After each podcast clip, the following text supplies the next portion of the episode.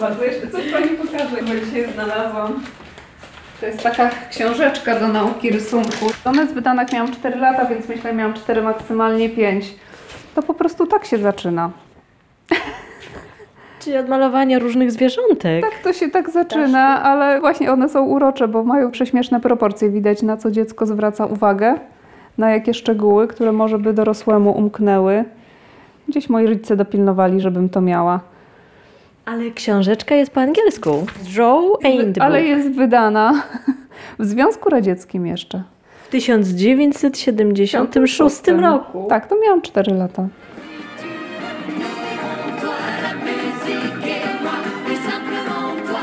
Gdy Anna ma 4 lata, Eurowizję wygrywa zespół z Wielkiej Brytanii Brotherhood of Men. Ale to nie jest najważniejsze. Jej uwagę przykuwa świat pełen różnych dźwięków i dziwnie brzmiących słów, które rozbudzają dziecięce marzenia.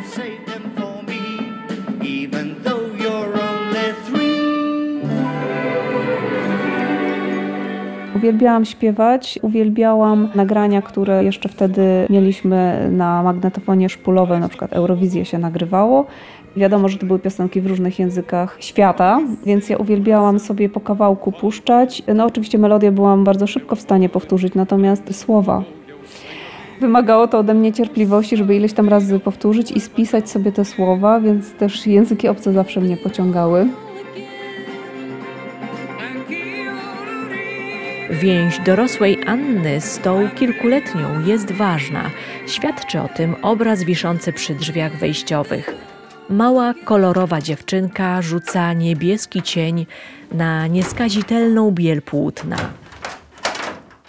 Przechodziłam różne takie procesy, w których właśnie trzeba było sięgnąć pamięcią do tego, o czym się marzyło w dzieciństwie, o czym się marzyło, jak się było w szkole, czy jak się było nastolatką. Zapisałam sobie tą myśl, pamiętam, byłam wtedy na początku studiów, że życie nieświadome nie jest warte, by je przeżyć.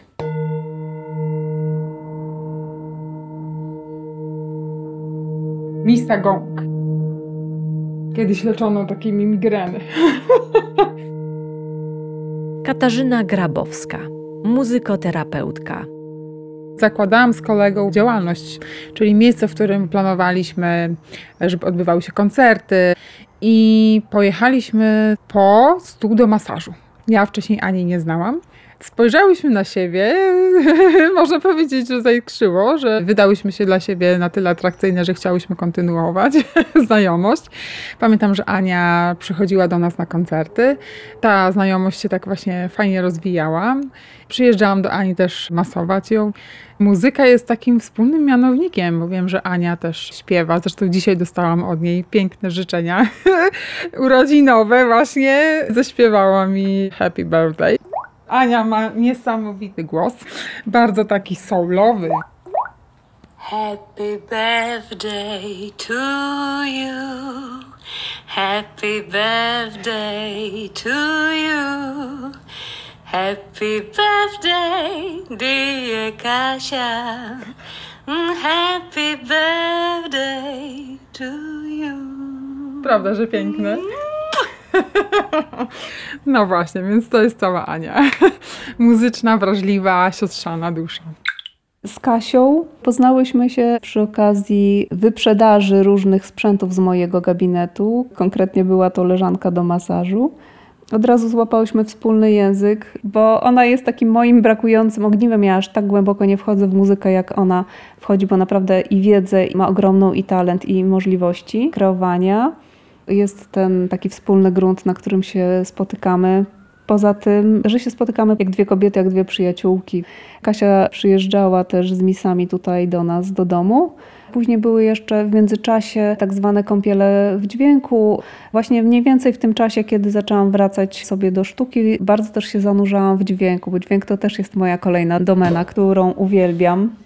Jesteśmy zaprzyjaźnione, więc kiedy Kasia usłyszała o wernisażu, to zaproponowała mi, mówi, słuchaj, może ja ci zrobię tło dźwiękowe. A ponieważ ja już wiedziałam po tych kąpielach w dźwięku, że to są dźwięki natury, no Kasia na gongach potrafi wyczarować śpiew wieloryba, no ale może poszeleścić piórami, tak że mamy wrażenie, że orzeł nam nad głową przeleciał, albo jakieś inne dźwięki wykreować, to pomyślałam, że to może być niezły pomysł. I w sumie to był dla nas taki eksperyment i dla Kasi i dla mnie, ponieważ pierwszy raz stworzyła tło dźwiękowe dla wernisażu.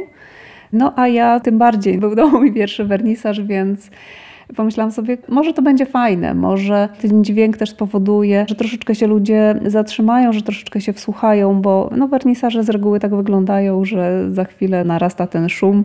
Byłam ciekawa, czy to pójdzie w taką stronę właśnie rozmów i spotkań towarzyskich przy okazji wernisażu, czy jednak zaproszone osoby wykorzystają te szanse, żeby się zatrzymać, żeby stanąć przy tych pracach, żeby poczuć siebie, żeby się zastanowić, co takiego jest na tej czarnej kartce papieru, co tak porusza, co mi to mówi.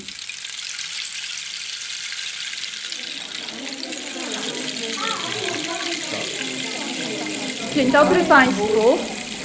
Ewa Sendejewicz, kierowniczka Galerii 31 w Lublinie. Serdecznie witamy w Galerii 31 na wernisażu pani Anny Prokop, na wernisażu wystawy rysunków spotkania. Pani Anna Prokop jest absolwentką Instytutu Wychowania Artystycznego UMCS-u i w 1996 roku uzyskała dyplom z grafiki u profesora Maksymiliana Znocha.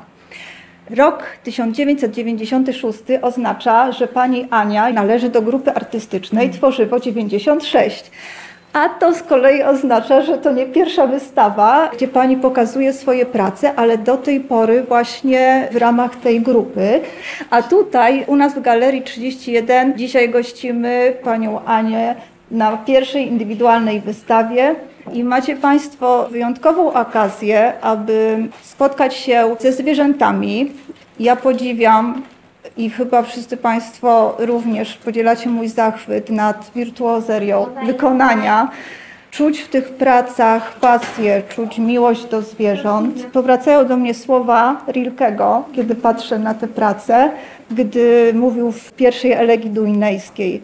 Nie aniołowie, nie ludzie, a przemyślne zwierzęta już są na tropie, że nie jesteśmy bezpiecznie zadomowieni w świecie, który chcemy zrozumieć. Bardzo Pani dziękuję. Oddaję głos. Zwierzęta w sztuce zwykle mają nam do przekazania więcej niż tylko swój zewnętrzny wizerunek. Ja zatytułowałam tą wystawę Spotkania, dlatego że jestem przekonana, że każde spotkanie zmienia nas.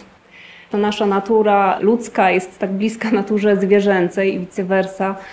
Są one, czy mogą być one dla nas wspaniałymi przewodnikami właśnie do wewnętrznego świata. Życie zwierząt rozgrywa się właściwie w jedynej przestrzeni, która istnieje. Jest to tu i teraz. One nie przejmują się przeszłością, nie rozpaczają nad nią, nie martwią się o przyszłość, są zawsze obecne, czujne. I my się możemy tego od nich uczyć. Możemy pozwolić im się poprowadzić z tego rozpędzonego, pełnego technologii świata do naszych własnych emocji, uczuć, do naszego własnego ciała, czyli krótko mówiąc, do samych siebie. Czasem człowiek żyje w takim przeświadczeniu, że wybiera zwierzęta, z którymi ma kontakt, z którymi przebywa. No ja akurat jestem przykładem na to, że to zwierzęta zapraszają. I wszystko zaczęło się od koziołka sarny, takiego typowego rogasia z Doliny Rostoki. Ten koziołek nawiedzał mnie na różne sposoby. Spotykałam jego wizerunki, cały czas trafiałam na jego fotografie, ale udawało mi się to ignorować. Do momentu, kiedy zaryzykował życie na ruchliwej drodze. I to wydarzenie spowodowało, że zatrzymałam się i pojawiło się takie pytanie: co chcesz mi przekazać? I było to pytanie, które nie znikło, doszłam do wniosku, że może najlepiej będzie, jeżeli po prostu wezmę kartkę i zacznę tego koziołka rysować. W trakcie rysowania wpatrywałam się w te oczy, które również z tego ciemnego tła wpatrywały się czujnie we mnie. I cały czas było to pytanie, co chcesz mi przekazać. Czego chcesz mnie nauczyć, co mogę wzmocnić, na co mogę zwrócić uwagę w swoim życiu. Od tego momentu zaczęły się pojawiać te zwierzęta w mojej przestrzeni o wiele bardziej intensywnie. Zachowywały się tak, jak gdyby zrozumiały, że ten koziołek otworzył im drogę do mojej pracowni dosłownie.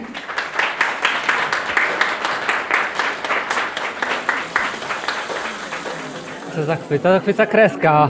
Kreska, dokładność wykonania. Oczy oczywiście, ale też wszystkie te cienie. Cienie oddane bardzo precyzyjnie. I wyrazy twarzy, bo ja twierdzę, że można takiemu zwierzęciu przypisać wszystko. Jak siebie przekonam, że on jest wesoły, to on będzie wesoły. Jak siebie przekonam, że on jest smutny, to on będzie smutny. A jak siebie przekonam, że on jest zamyślony, bo ja myślę, że on myśli o, o nadchodzących wyborach na przykład, a Marta myśli, że, że on żebrze o saszetkę. naszego prywatnego kota, ale dla mnie to jest jeden ze smutniejszych wyrazów twarzy tych zwierząt tutaj wszystkich. Że jak jakąś tragedię przeżył ten kot. Anais to jest pseudonim. To jest pierwsze, co mi przyszło do głowy, jak zaczęłam malować pierwsze obrazy i zastanawiałam się, jak je podpisać. Wiedziałam, że nie chcę podpisać imieniem i nazwiskiem. Mówi się o tym, że kobieta właściwie nigdy nie ma swojego nazwiska, bo najpierw ma nazwisko ojca, później ma nazwisko męża. A ja potrzebowałam mieć coś swojego. Ponieważ dla mnie samej jestem Anią, a Anais jest to też Ania, tylko po francusku. Jest to taka odmiana tego imienia pochodząca z Prowansji. No i ponieważ ja Francję kocham też, więc tak mi pasowało. Podpisałam i już. I właściwie na moich pracach na odwrocie nie ma mojego imienia i nazwiska, jest tylko Anais. Właśnie takiego koliberka namalowałam, który szybuje gdzieś ponad chmurami. No co daleko się ma do rzeczywistości, ponieważ kolibry obawiam się, że nie wzbijają się na takie wysokości. No ale to było dla mnie też takie symboliczne, że można, tak? Że to jest ptak, który się mieni kolorami. Choć tak naprawdę nie wiem, czy pani wie, że ich upierzenie jest czarno-brązowe. To światło powoduje, że my widzimy kolory i nasze oko. Te pióra nie mają barwnika. To jest układ włókien na piórze, który powoduje, że światło się tak załamuje. To jest tak jak z tęczą.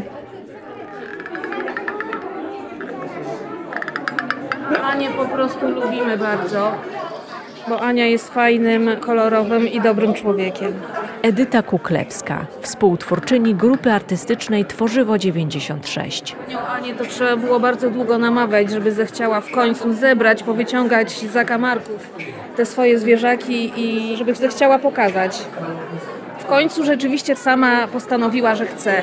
Piotr Tymochowicz, grupa Tworzywo 96. Namawiamy jeszcze kolegę, szczególnie jednego, bo też ma dużo pracy już, a jakoś tak się obija. Nie może. Być może, że dopniemy swego i wystawi. Jest to takie działanie, które spaja nas i nie pozwala gdzieś tam uciekać w niepotrzebne rzeczy.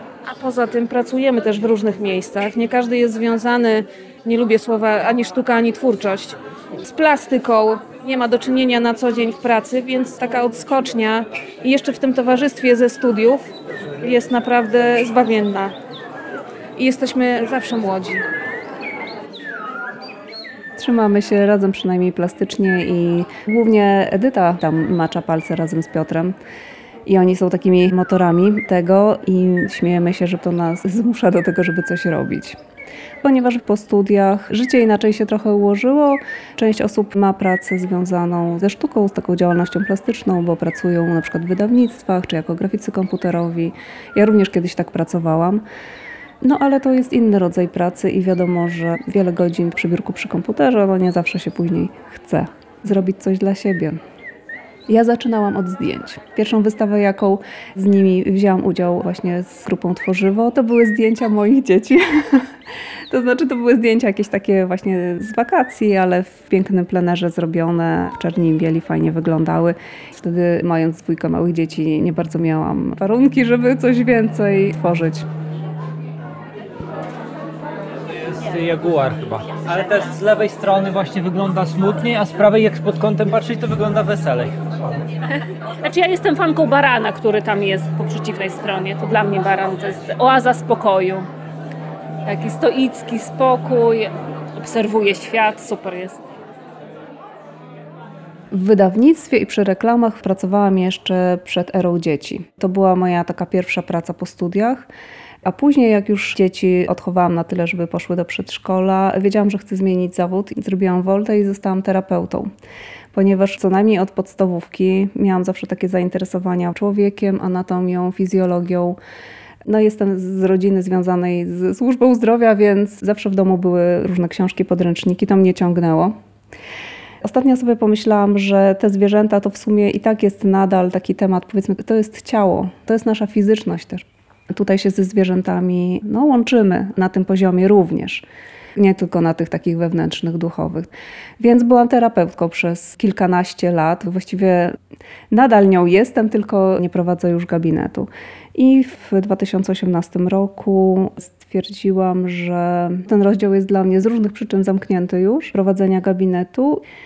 W pewnym momencie, będąc w sklepie za potrzebami moich dzieci, czyli w jakimś takim papierniczym, kupiłam sobie pudełko kredek. Większe niż kiedykolwiek miałam, ponieważ w dawnych czasach, kiedy ja byłam dzieckiem, 12 kredek, 24 to już był naprawdę wypasiony zestaw. Kupiłam sobie większy i wtedy powstał pierwszy rysunek i bardzo mnie poruszył. Po czym dosłownie tydzień, dwa później, będąc w jakimś sklepie, kupiłam sobie malutkie pudełeczko farb akrylowych i jakiekolwiek płótno. Niosłam do domu, się zastanawiałam w ogóle, po co ja to zrobiłam. Później zaczęły się drobne obrazki, drobne rysunki i było to dla mojej przyjemności, to było dla odbudowania również mnie po wykonywaniu bardzo długo czy zawodowo, czy też w rodzinie miałam taką sytuację, że jednak miałam tą rolę terapeuty. To są zajęcia mocno wypalające. Więc po latach karmienia innych miałam potrzebę nakarmić również siebie. No i myślę, że próbowałam dotrzeć do samej siebie poprzez te prace. To były prace w dużej mierze intuicyjne. Myślę, że wszystkie moje prace gdzieś tam mają początek w intuicji odnajduję przede wszystkim wrażliwość, wrażliwość Ani, którą znam. Każda z prac jest bardzo impresyjna i poruszająca. Każda z tych prac budzi we mnie tęsknotę, nostalgię, taką refleksję nad życiem, a ponieważ refleksja nad zwierzętami jest blisko refleksji nad sobą samym, więc ten przeskok jest taki bardzo oczywisty dla mnie. Ja zawsze byłam wrażliwa na zwierzętach, były dla mnie, nie chcę powiedzieć, że ważniejsze niż ludzie, ale równie ważne. Rzeczywiście oczy są niesamowite, przenikające duszę na wskroś. Te oczy bardzo wnikliwie na nas patrzą i zadają pytanie, kim jesteś? Jaki jesteś? I właśnie ja takie pytania sobie zadaję. Jeszcze będzie to wszystko kiełkować we mnie w ciszy, w spokoju, kiedy już będę w domu. Jest we mnie za każdym razem takie zdumienie, ale jak to się stało, jak i kiedy? Bo widzę, co się wyłoniło, ale ja po prostu stawiałam kreskę za kreską. I mam bardzo często takie poczucie, że to coś tworzy przeze mnie. To tak jak się mówi o takim właśnie duchu kreacji, o tej wenie, że tu człowiek jest tak naprawdę narzędziem w rękach czegoś większego w momencie, kiedy tworzy takie rzeczy. To jest jakby coś poza mną, czego nie da się zmierzyć, zważyć. Dosłownie było to z dnia na dzień, kiedy przekształciłam swój gabinet w pracownię plastyczną. Wiedziałam, że jakby ten głos, który mnie wzywa, jest na tyle mocny, że po prostu mam to zrobić. To jest kwestia zaufania. Myślę, że ja tego zaufania wtedy miałam bardzo dużo. Teraz nawet po latach czasami mam takie momenty, że łapię się na tym, że mam go mniej.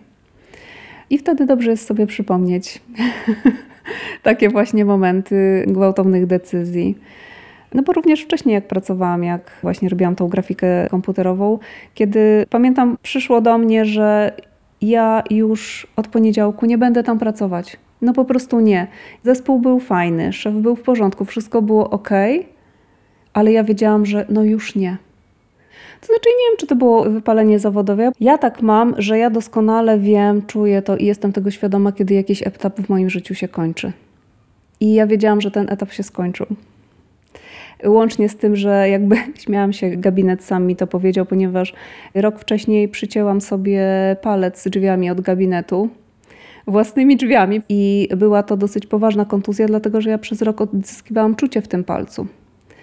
Więc oszczędzałam jedną rękę, obciążałam drugą rękę. To już była dla mnie wskazówka, coś jest nie tak, że być może to nie jest jeszcze wszystko na mój temat i to nie jest jeszcze wszystko, co ja mogę zrobić. I jakby myślę, że życie mi pokazało, że, że to była dobra podpowiedź. Zajmowałam się refleksologią taką nową i dosyć jeszcze mało rozpowszechnioną w Polsce dziedziną refleksologii. Ja bardzo głęboko weszłam w ten temat no i stałam się ekspertem, czyli pracuje się na określonych mapach ciała. Można pracować na stopach, na rękach, na twarzy. Natomiast ja weszłam w tak zwaną multirefleksologię, która jest bardziej takim wielowymiarowym podejściem do ciała i łączeniem różnych informacji, które ciało daje, tego co widzimy i też takim działaniem bardziej wszechstronnym, wielowymiarowym i jest bardzo kreatywna. Ja znajduję ujście dla mojej kreatywności w tym i teraz nadal się nią zajmuję, ale w inny sposób. Przekazuję swoją wiedzę i też uczę właśnie takiego kreatywnego podejścia. Pani Anna przez dwa lata jeździła do Francji na kursy z refleksologii. Siedem miesięcy zajęło jej poznanie języka na tyle, by się dogadać i szkolić. Jej telefon pełen jest zapisków dźwiękowych z miejsc wówczas poznanych. Będziemy raz. Chodź. Chodź na chwilkę. Chodź. Chodź, Sati, chodź. Chodź. Dobrze, dobrze. No już, już, już. Jest to kotek, który trafił do mnie tak zwanym przypadkiem. Oczywiście to nie był żaden przypadek, ale ona została gdzieś znaleziona i trafiła do tak zwanego domu tymczasowego. Ten dom tymczasowy był prowadzony przez moją klientkę. Klientka mieszkała w sąsiedniej klatce obok gabinetu. Przyszła do mnie na zabieg kilka dni wcześniej, pierwszy. I w dniu, kiedy poznałam właśnie moją Sati, przyszła do mnie ta pani drugi raz na zabieg. I tak od słowa do słowa na zasadzie, a to może pani po pracy do mnie zajrzy. Ja wtedy nie planowałam mieć kota, chociaż moje dzieci miały wytapetowane ściany dosłownie zdjęciami kotków i bawiły się zawsze kotkami w kotki. Te kotki były non-stop u nas. I zobaczyłam małą kocinkę z takim wzdętym brzuszkiem, bo ona wtedy jeszcze, no wiadomo, jak to kotek znaleziony, trzeba go najpierw poleczyć na wszelkie sposoby. I jeżeli chodzi o jej wygląd, jakoś mojego serca nie poruszyła, ale wiem, że wyszłam wtedy od tej pani. Już kilkaset metrów od niej czułam więź z tym zwierzęciem. Broniłam się jeszcze jakiś czas, że po co mi kot, jeszcze sprzątanie kuwety, przecież mam małe dzieci, ale ja już ją miałam w sercu. Dlaczego o tym opowiadam? Dlatego, że nieraz właśnie na nią patrząc, to sobie myślałam, że takie stworzenie, gdzieś tam zagubione, znalazło drogę jakby nic nie robiąc. Znalazło się najpierw u kobiety, która się nim zaopiekowała, potem znalazło się u mnie i właściwie w pełni ufa nam. I nieraz właśnie mieliśmy też różne trudne sytuacje życiowe, ale mówiłam do męża, ale spójrz na nią. Leży sobie zrelaksowana. Ona nie wie, co będzie jutro. Ona nie wie, czy my jutro będziemy mogli się nią opiekować. Ona już nie potrafi zdobyć sobie pożywienia, jest całkowicie zdana na nas, a jednak potrafi się kompletnie zrelaksować. To było dla mnie bardzo mocne, właśnie przyglądanie się jej. Jak potrzebuje uwagi człowieka? Mhm.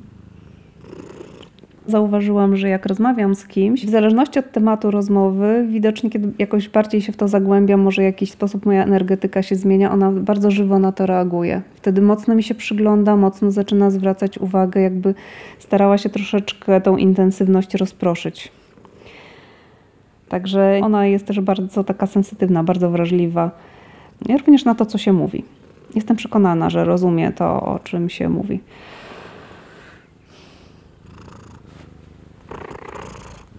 To jest jedna wielka chodząca miłość, która nie jest reglamentowana i jest dla każdego. Ma otwarte serduszko, rozluźniła się, jest w pełnym zaufaniu. Jakie to jest osadzenie w życiu? Jak trzeba być spokojnym,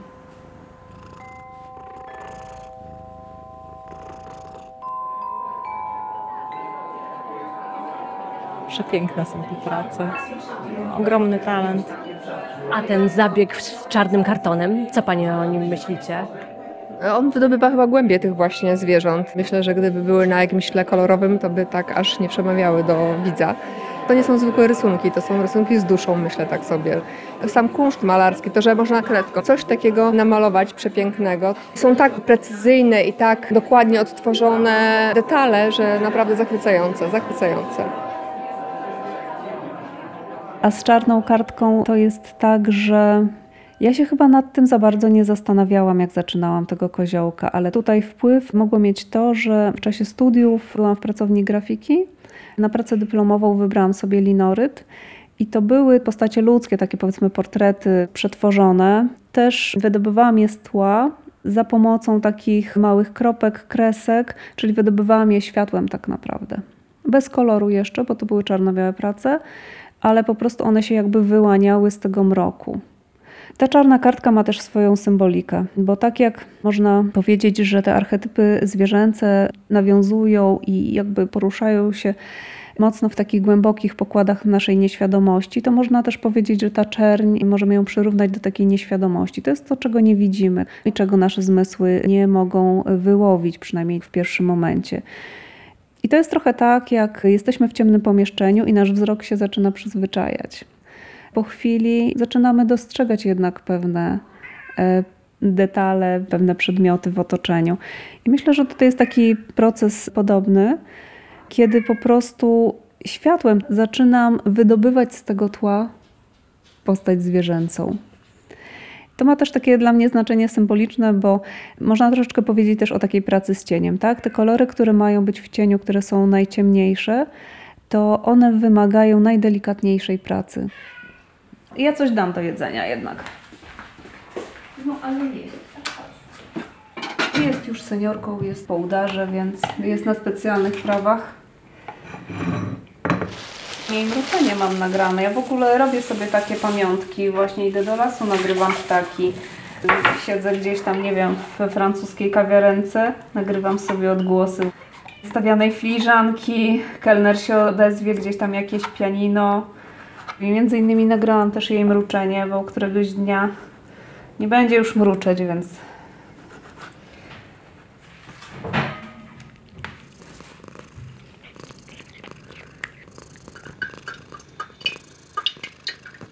W zapiskach dźwiękowych krople z cieknącego kranu tworzą melodię.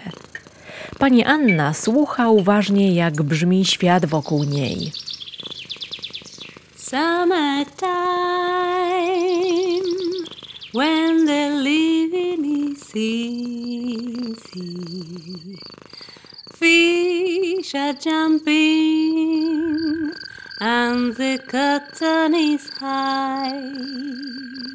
Oh, oh, your daddy's rich, and your mom is good looking.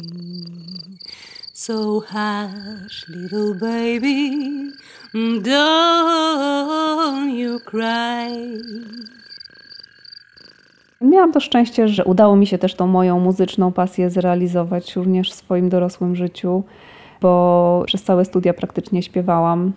Najpierw w zespole ludowym, później w chórze Politechniki Lubelskiej. Występowaliśmy w filharmonii w różnych miejscach, więc miałam przyjemność i śpiewania i muzyki klasycznej i miałam okazję, żeby docenić naszą muzykę ludową. Poszczęściło mi się, mogę powiedzieć. To, co ja robię od kilku lat, to nieustannie karmię siebie. Karmię siebie kontaktem ze zwierzętami, karmię siebie malowaniem lub rysowaniem, karmię siebie muzyką.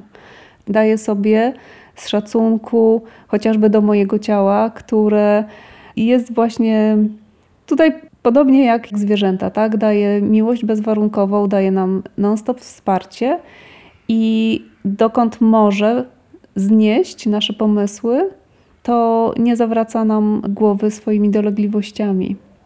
Kompensuje sobie różne deficyty do momentu, kiedy już to się staje dalej niemożliwe.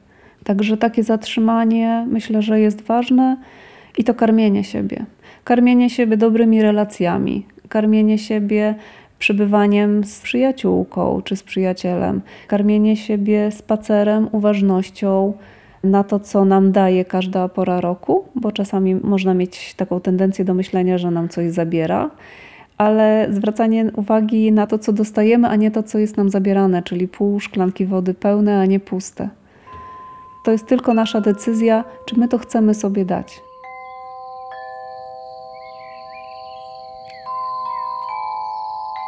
Niech każdy człowiek znajdzie schronienie w sobie, aby ostatecznie rozpoznać, że nie ma przed czym się chronić, gdyż zawsze jest bezpieczny. Niech każdy człowiek na ziemi rozpozna siebie jako życie wieczne.